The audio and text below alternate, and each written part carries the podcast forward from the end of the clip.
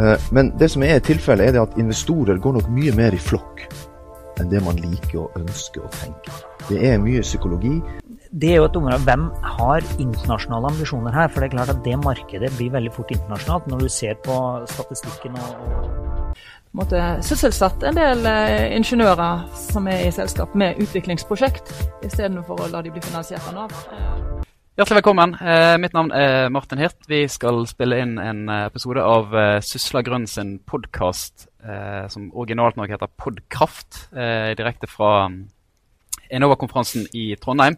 Og den har vi kalt 'Hvor blir det av det grønne næringslivet'? Det er kanskje litt sånn satt på spissen og litt provoserende når vi ser hvor mange delegater som er samlet her disse dagene. men det er et faktum at Enova sin markedsrapport som kom i fjor, og som danner grunnlag for denne samtalen, viser at det er et svakere innovasjonsklima for eh, grønn energi og miljøteknologi i Norge enn i nabolandet. Vi skal snakke litt om hvorfor det er sånn. Er det mangel på ideer? Er det mangel på kapital? Er det gjennomføringsevne? Er det litt av alt? Eller er det kanskje ikke så felt allikevel? Med oss eh, til å gjøre det så har vi Jon Trygve Berg, som er partner i eh, såkornfondet Sarsia Seed, med sete i Bergen og har energi i porteføljen. Så er det Hege Økland som er daglig leder i NCE Maritim Cleantech, som jobber med miljøteknologi innenfor det maritime, som navnet for så vidt gir en god indikasjon på. Og til slutt så har vi programdirektør Øyvind Leistad fra Enova. Jeg har lyst til å begynne med, med deg, eh, Øyvind. Når, når, dere lanserte denne rapporten i, i fjor høst, så var tittelen på pressemeldingen jeg fikk tilsendt 'Enova etterlyser innovasjon'. Hvor ille står det egentlig til? Det høres jo litt sånn alarmerende ut. Ja, altså Vi mener jo i forhold til de målene som er satt, og den, eh, si, den langsiktige omleggingen som må til for å komme over i lavutslippssamfunnet, hvor det også skal være en bærekraftig utvikling både økono også økonomisk, så ser vi at noen må jo dyrke fram de løsningene og det vi skal leve av i det lavutslippssamfunnet. Når vi da ser på statistikken og sammenligner de reelle tallene her, så er, det, så, så er jo eh, fornybar kraft og cleantech eh, relativt marginal næring i Norge, iallfall når du sammenligner med, med, olje og gass, men òg når du sammenligner med, med tradisjonell industri. Da. Og når vi da ser disse tallene at kanskje vi har gått fra en, en liksom opptur på det området her og fram mot 2009-2010, så har det øh, gått nedover etter den tid. Og vi har ikke si, Til tross for økt offentlig innsats, da, så, så ser vi ikke at det føre til, til si, tilstrekkelig økt innsats i det private. Mm. Og det er klart at For oss eh, som skal bidra til å hjelpe prosjektet fram og ta tak i, i sånne ideer som kommer, så, så er vi bekymra av tilfanget her. rett og slett Både av bedrifter og gode ideer i, i det lange løp. Tror du det til, altså nedgangen i tilfang henger sammen med oppturen i oljebransjen, som sammenfaller jo sånn noenlunde?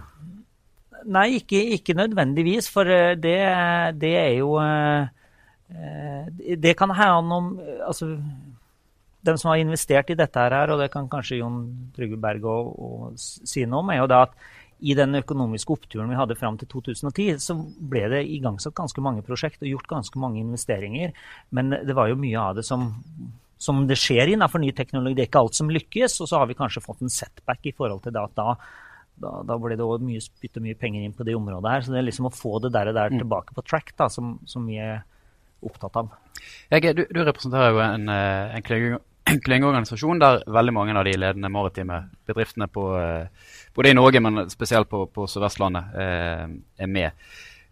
Altså, hvilke flaskehalser opplever dine medlemsbedrifter når det gjelder å få fram nye løsninger til, til markedet?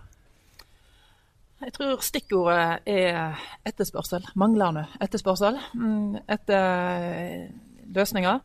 Men så er det, altså, det er litt vanskelig eh, tegne et veldig sånn entydig bilde på tvers av alle markedssegment innenfor maritim sektor, for det varierer litt hva de driverne er. Um, og I går så hørte vi jo Eidesvik, Jan Fredrik Meling derifra, som, uh, som fortalte om uh, at oljeselskapene betaler deres fuel, og at det er lite incitament da på å spare fuel. Uh, så det er jo en sånn klassisk problemstilling som, som kan ja, forsinke eller redusere etterspørselen etter miljøteknologi. Eh, men andre altså, så klart, Nå ser vi en, en boom i, i, forhold til ferjer. Eh, litt sammensatt eh, årsaker til, til, den voldsomme interessen som vi ser fra næringen. Og, og da har vi med at det er nedgang i aktiviteten innenfor olje og gass, og at jeg da ser eh, dette som et eh, kjærkomment marked i tider der det er lite aktivitet i leverandør- og verftsindustrien. Så, og da, eh, I og med at det offentlige kan stille eh, strengere miljøkrav, krav til nullutslippsteknologi, som er politisk drevet fram, eh, så kan en få fram eh, teknologi som du kan ta med deg inn i andre segment. Så Siste poenget også i forhold til dette med etterspørsel etter maritim miljøteknologi, er jo at hvis du, hvis du kan få en, en, positiv effekt på, på eh, bunnlinja di, i og med at du kan, kan spare, spare, drivstoff eh, som fiskebåtreder eller som containerreder eller andre ting, så klart at det, da, det er interessant. Men uh, så får vi òg en litt sånn spesiell situasjon nå når oljeprisen er så lav, Eh, så gjør det at, at det kanskje ikke er så lønnsomt å investere i i grønn teknologi. Så det er mange mekanismer som mm. virker inn og, og påvirker etterspørselen og markedet. Jon Trygve, å si mannen med pengene. Nå er det ikke akkurat uh, ikke dine, dine, egne penger du forvalter. Men uh, altså det, det, er en fallende trend i, i private investeringer i, i uh, vekst, vekstselskaper. og Det trekkes jo òg fram i, i, den rapporten fra, fra Enova. Uh, som er din bakgrunn som, både som partner i såkornfondet, men også styremedlem i, i flere vekstselskap innenfor energisektoren. Hvorfor tror du denne trenden er fallende? Altså når man ser på, på makroplan, eh, så, tilsier, til, er det mye som tilsier at det vil være et betydelig marked og sannsynligvis en, en gevinst der mm. på sikt. Uh, Sascha Seed er jo på en måte et, et sjeldent dyr i norsk uh, investorverden. Vi er en institusjonell investor som investerer i selskaper i en tidlig fase. Og Det vi typisk har gjort, har vært å finansiere kanskje den første prototypen. Det er et, en, et tidspunkt i bedriftens liv som veldig få andre institusjonelle investorer uh, faktisk går inn på. Og vi, Av de såkornfondene så er vi den eneste av de såkornfondene som har investert i fornybar energi i noen, uh, i noen grad. Det vi ser uh, i vårt arbeid, er at det er ikke en sånn voldsom reduksjon i prosjekttilfanget. Her kommer prosjekter. De er litt annerledes enn hva de var i perioden opp til 2009, hvor det var mye materialteknologi og silisium og den type ting, og kanskje også mye prototyper. Uh, Nå ser vi mye mer at det har med produksjon, overføring, lagringsteknologi og, og, og, og den type ting. Eh, men det som er tilfellet, er at investorer går nok mye mer i flokk enn det man liker og ønsker å tenke. Det er mye psykologi. Uh, og, det er kanskje en, en, en altfor stor avhengighet av at det går bra på børsen generelt, og kanskje spesielt på clean-selskaper. Eh, enn vi liker å ønske. Men de som investerer i en tidlig fase, er også helt avhengig av at det finnes en industriell aktør som vil kjøpe teknologien, eller være en kunde.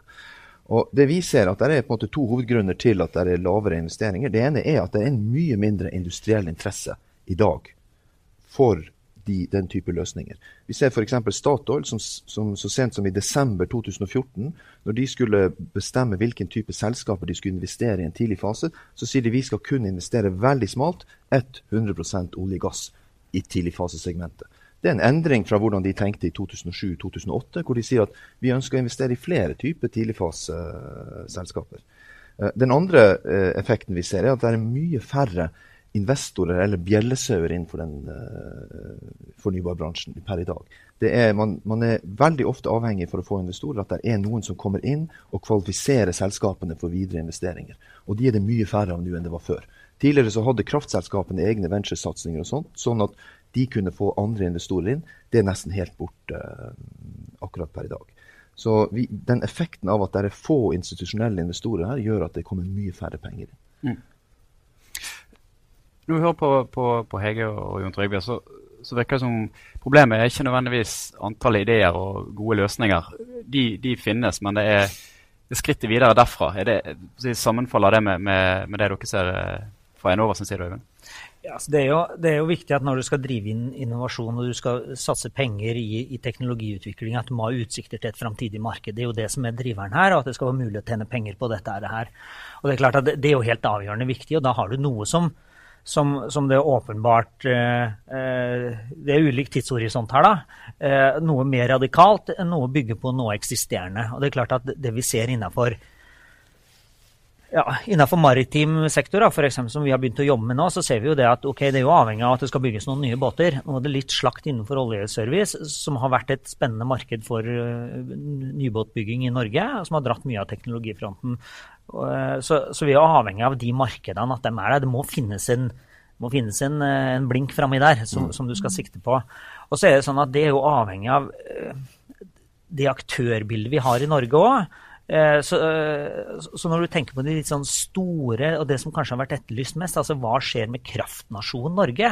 Altså Vi har jo bygd tradisjonelt mye vannkraft. Vi, vi mista ut litt på det med vindkraft, kanskje, så, sånn teknologisk sett. Og det, det, er jo en av dem som er etterlyst, at hvordan skal Norge komme i posisjon på dette her? Og det som, det har jo, der har jo vi en, en forpliktelse på. Så det ser vi er jo det er jo et område, Hvem har internasjonale ambisjoner her? For det er klart at det markedet blir veldig fort internasjonalt. Når du ser på statistikken og, og utsiktene fremover, så er jo ja, fornybar energiproduksjon investeringsmessig like stort marked som offshore olje- og gassteknologi. Sånn at det er jo ikke noe i veien med utemarkedet der ute, og den blinken fins nok.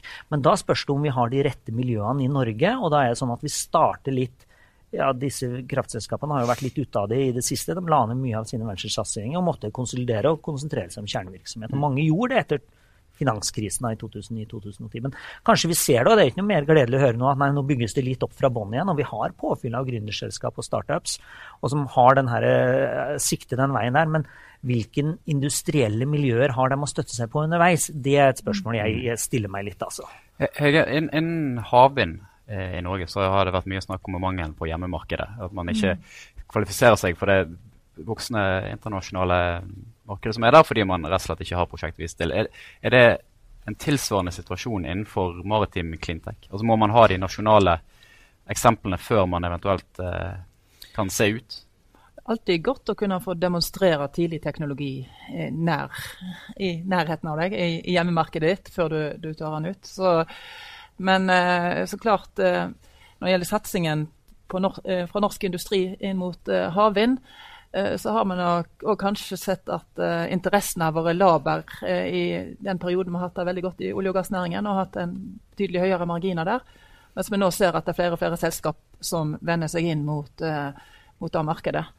Men dessverre for, for vår satsing, da, så, så, er det jo ikke så når det gjelder logistikken rundt disse havvindparkene, og da var jo Kjersti Kleven så vidt innom i går, så, så blir det ikke etterspurt eh, miljøteknologiske løsninger om bord på disse serviceskipene eller installasjonsfartøyene eller den flåten som skal, skal serve disse parkene. Så, um, så der har nok eh, EU òg sovet litt i timen eh, når det gjelder konsesjonstildelinger osv. Mm.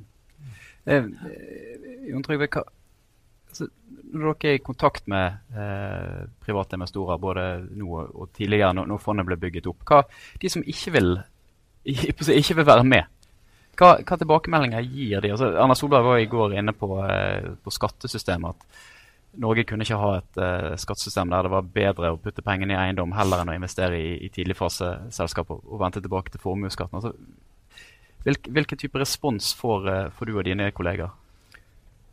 Det er jo to typer investorer. Det ene er jo den type investorer som investerer i Sarsia Seed som fond. Og Det er, på en måte, må være noen veldig langsiktige investorer, typisk pensjonskasser og de som har lange horisonter og som har mulighet til å ta en god del risiko. Uh, de er ikke opptatt av f.eks. For formuesskatt i det hele tatt, det ofte, men de er ofte veldig regionalt betont. Sånn at 80% av de pengene som er i vårt fond, som vi investerer, det var regionale penger. Norsk Hydro, BKK, Sparebanken Vest og den type ting. Eh, det vi også ser eh, når vi er ute i selskapene og skal finne andre investorer inn i selskapene, at det er så mye risiko her at, at eh, det, det, er veldig ofte de regionale kontaktene man har, relasjoner og sånne ting, som blir, som blir veldig viktig. Og når det kommer til statlige virkemidler rundt der, så er det mer kanskje ting som har med, med matchingordninger og den type ting. I, I, vår portefølje så er ikke formuesskatt noe, noen issue i det hele tatt, egentlig. Eh, men det er klart at, at klimaet for eh, at du på en måte har skattefradrag for investeringer i tidlig fase, sånn som de har i Storbritannia for eksempel, og andre land, vil jo gjøre det mye enklere for andre å komme inn. Men, men eh, det man savner aller mest, er jo på en måte de gode, industrielt forankra prosjektene. De er det ikke så forferdelig vanskelig å finne investorer til. Men det er på en måte industrien som må på banen og, og hjelpe til her på en måte. Hege? Ja, altså, når det gjelder den rapporten, markedsrapporten deres til Enova, så henviser en jo til denne Global Cleantech-indeksen. Og Det Norge scorer lavt på, er jo bl.a. forskningsprogrammene. At de er for lavt bemidla i forhold mm. til, til våre andre naboland i, i Norden, f.eks. Så jeg vil jo tenke at i, disse tider her, så er det jo spesielt viktig å, å styrke på en måte hele verdikjeden av virkemiddelapparatet. Men, før du kommer til Enova. Men uh, sånn at en får måte, sysselsatt en del uh, ingeniører som er i selskap med utviklingsprosjekt, istedenfor å la de bli finansiert av Nav. Um, og da vil jo ruste oss inn mot å få opp demoprosjekt som Enova kan ta litt lenger ut i virkemiddelverdikjeden, da, tenker jeg. Så. Ja, altså vi, vi, er jo vi, vi, ser jo det at Det er ikke naturlig, naturlig for Nova å si det, at vi ser en rolle til det offentlige virkemiddelapparatet. Men det vi i økende grad kommer til å bli opptatt av, er jo at for hver krone vi bruker, så må vi utløse flest mulig private. Mm. For det er klart at det innslaget Vi må ikke ende opp sånn at privat, altså offentlig tar over for det private initiativet. Vi er helt avhengig av det private, og det syns statsministeren som var her i går var, var veldig tydelig på, at, at, det er det vi må utløse. Og at det skal være en, en kan du si, en addisjonalitet i det vi gjør, da, som, så fint heter. Og, det, det, det, og da, da, tror jeg at man skal spørre seg om, om hvordan dette her er samla sett skrudd sammen. Da, altså fra Forskningsråd via Innovasjon Norge, Enova og, og andre. Og, og, at det er ulike krav og ulike aktører som er inne i ulike faser her. Og det, vi, eh, hvordan kan vi samla sett øke den investeringen? Eh, det, det, vi ser jo at i etablerte selskaper og mange peker på at vi får mest innovasjon ut av å liksom putte pengene inn i Hydro og de store. Det, det gjør vi òg. Og ser at der er det gjennomføringsevne, og der får man til, til. Men vi ser at det er nødvendig å ha den påfyllet av oppstart og gründervirksomhet òg. Men hvordan får vi dem til å holde ut lenge nok? F.eks. hvordan sikrer vi nok god nok finansiering i tidlig løp, så man kan jobbe med ideen og selskapet sitt snarere enn å skal være på den evige jakten etter penger som tar fokuset vekk. Så her tror jeg at vi skal utføre oss sjøl òg til å tenke mer kreativt sammen med de andre virkemiddelaktørene, sånn at vi har en diversifisert kan du si, innovasjonsmiljø i Norge, som både består av de etablerte, som kan komme inn som institusjonelle eiere, og industri, og være med å løfte disse store, tunge kapitalløftene som må til på slutten av et innovasjonsløp. Men hvordan sikrer vi at vi har kan du si, godt klima for de som driver startup, og de mange gode ideene som kommer fra enkeltpersoner. Hendene spratt opp her først, Jon Trygve, og så eh, Hege. Jeg kan bare komme med et eksempel fra vår egen portefølje. Vi har 22 selskaper, og der har vi investert ca. 220 millioner kroner i de selskapene. Eh, de samme selskapene har fått nesten 700 millioner fra andre investorer. Sånn at det at, og, men de aller fleste av de 700 millionene kommer i etterkant av at Sarsi har vært eier kanskje både én og to år, og selskapene modnes, og så kan du få inn veldig mye mer penger.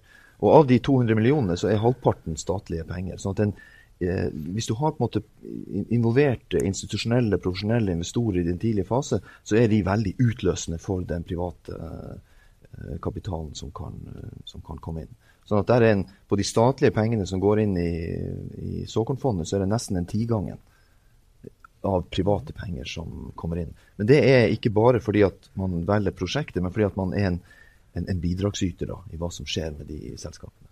Ja. En replikk eller ja, innlegg? Ja, for det der er veldig viktig. for Vi ser jo det at det å bygge det vi kaller gjennomføringsevne i prosjektene, er veldig viktig. Vi ser at gode ideer kanskje strander på at managementet har ut, utfordringer. Det er klart å bringe inn profesjonelle og ha et, kan du si, et sånn type investormiljø som uh, som Berg her representerer, er, er, veldig viktig, og at det må være en del av den der portefølje av tiltak vi må ha da, når vi skal, ha, vi, vi skal se på hele innovasjonsløpet. Okay.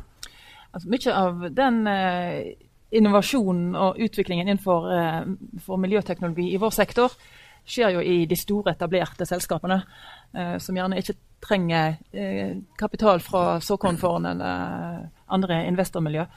Eh, og på en måte for å ta et eksempel, da, eh, så lanserte jo Vertsla en eh, induktiv lader. altså Der du kan lade ferjer eh, uten kabler. Og har bygd sammen en løsning med, med Cavotec som gjør at da kan få en fullstendig oppankringsprodukt, inklusiv i lading.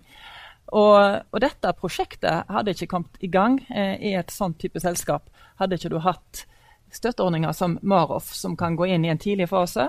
og når det Spesielt også fordi at markedet ikke er der, eh, før en på en måte får en, en del sånne eh, offentlige eh, ja, markedsdrivere på plass eh, i forhold til offentlige eh, ferjeanbudene som kommer da. Um, så det, det, er på en måte viktig å forstå at det, det er veldig det er veldig stor spennvidde innenfor dette som handler om miljøteknologi. Og det skjer på veldig ulike områder. Uh, og det er ulike virkemidler som på en måte blir satt i gang. Og jeg opplever at ofte i denne debatten så snakker en om uh, når jeg snakker om miljøteknologi, så tenker en automatisk på eh, innovasjonsområdet innenfor fornybar energi. at Tidevann og bølgekraft og alt dette her. Mens mye av det som er ja, der en ser potensial for de store utslippskuttene innenfor vår sektor, det er de, de små forbedringene eh, som, som, stadig vekk blir generert eh, uten at en, en, får den store oppmerksomheten verken internt i egne organisasjoner eller utenfra. Um, er du enig med, med Meling Eidesvik, eh, som på talerstolen i går uh, ville ha strengere offentlige krav? Altså er det det som vil utløse et, et hjemmemarked for, uh, for maritim cleantech? Ja, eh, jeg er enig i at, eh, at eh, regelverk i forhold til utslippskrav osv. er en, en veldig, veldig, viktig driver. Men samtidig så ser vi òg at det er blitt installert flere batteripakker om bord på offshorefartøy, fordi at en da reduserer drivstoffene. Så det er et rent sånn, økonomisk driver som ligger bak den. Så, så klart, det er et sammensatt bilde her. Men klart, hvis oljeselskapene hadde vært en en større pådriver på, på å få fram drivstoffgjerrige skip, eh, så hadde vi hatt en, en, mye raskere utvikling enn den vi har sett. Selv om mm. ting går forholdsvis raskt i denne bransjen. Avslutningsvis, eh, altså det pekes jo i, i den eh, Enova-rapporten Øyvind, på eh, at Norge gjør det svakere enn sine nordiske naboland. Har man, har man sett på hva f.eks. Sverige og Danmark gjør bedre? Altså hvor, hva man eventuelt kan, kan hente lærdom fra naboer? Ja, det gjør vi jo stadig vekk. Vi samarbeider med dem. og vi deltar jo på internasjonale arenaer i, i ulike Men det er, det, er litt, det er, litt, vanskelig å peke på en suksesshistorie i et enkelt land og prøve å kopiere den i en mm. annen. Og da tenker jeg et, et, et viktig poeng her tror jeg at det er to måter å se på dette med, med innovasjon og det offentliges innsats. Det ene er litt sånn klassisk tilnærming at vi har underinvestering fordi det er høy risiko og det er fare for at konkurrenten din rapper ideen din. Det andre er jo litt den mer sammensatte og sagt at vi må ha et mer et økosystem for å drive innovasjon. Sånn at du sier at dette er en avgjørende viktig brikke i økonomien din, hvor ikke du bare ser på tilflytt av penger, men du ser på tilstedeværelsen av ulike aktører. Og, og det kan hende er noe av det som forklarer Eh, forskjellen mellom landene her, og hvorfor f.eks. alle peker mot Silicon Valley. og Hva er det for noe? Jo, man sier at der er det jo mer det, det er et økosystem for innovasjon. da. Og det, det, tror jeg at vi skal ta inn over oss. At det, er ikke bare et spørsmål om økonomiske barrierer. Det, er mm. liksom, det handler om veldig mye mer. Ja, hvis vi ser til Sverige, så er det jo helt åpenbart at Sverige har en mye sterkere finanssektor enn det vi har i Norge på absolutt alle nivå, og også den tidlige eh, fasen. Eh, hvis vi ser til Danmark, så er ikke det på langt nær like tydelig bilde. Men vårt søsterfond i Danmark, som heter Seed Capital, eh, de opplevde i 2004 at Folketrygdfondet i Danmark kom inn og sa det at vi skal være en investor. Vi er en langsiktig investor. Vi skal være en investor i, den, i den tidlige fasen. Vi tar en tredjedel av det fondet som dere har, men da stiller vi følgende krav til hvordan det skal settes opp. Og Det gjorde de i 2004, og det gjorde de akkurat det samme i 2010. Og Det betyr at Folketrygdfondet i Danmark har på en måte tatt den rollen som kanskje Argentum burde ha tatt i Norge og si at vi skal hjelpe til å profesjonalisere den tidligfaseinvesteringsaktørene. Uh, Men det, den type aktører det har vi ikke i Norge. Og når Folketrygdfondet kom inn, så var de på en måte en bjellesøy som gjorde at du fikk fylt opp til fondet fra andre institusjonelle, tyngre investorer. Der er vi ikke i det hele tatt i Norge. I Norge så er på en måte såkornfondet for seg sjøl, og det er opp til Statoil og de store, tunge aktørene. Og de, egentlig de regionale bankene, som er den klippen som vi har uh, i Norge som kan være på en måte en sånn hjørnesteinsinvestor i, uh, i, i, sånne fond. Så det er helt klart at vi har en vi, vi, vi, mangler en sterk aktør. En sterk, langsiktig aktør som er i stand til å ta risiko, som er villig til å involvere seg i det segmentet her. Så får du siste ordet, Hege. jeg er veldig enig i at en på en måte må tenke i et, sånt, i et økosystem. Eh, og jeg syns det var jo litt eh, spennende tanker som kom frem fram etter NHO-konferansen fra Walter Kvam, der han eh, etterlyste større satsing på, på industritoppsentre, og spesielt da testsenter eh, for å få kvalifisert eh, teknologi kjapt og få opp innovasjonshastigheten. Så sammen med kapital så trenger en òg andre virkemidler. Og en dynamikk mellom forskningsmiljøene, industrien og offentlig sektor. Så det er på en måte det gode samspillet som, som er en, en, veldig viktig driver her. Og da må jeg jo si at vi som, som klynger og er jo da godt innretta for å ja, skape dette samspillet. da. Takk til deg, Jon Trygve, Hege og Øyvind. Takk til dere som hørte på.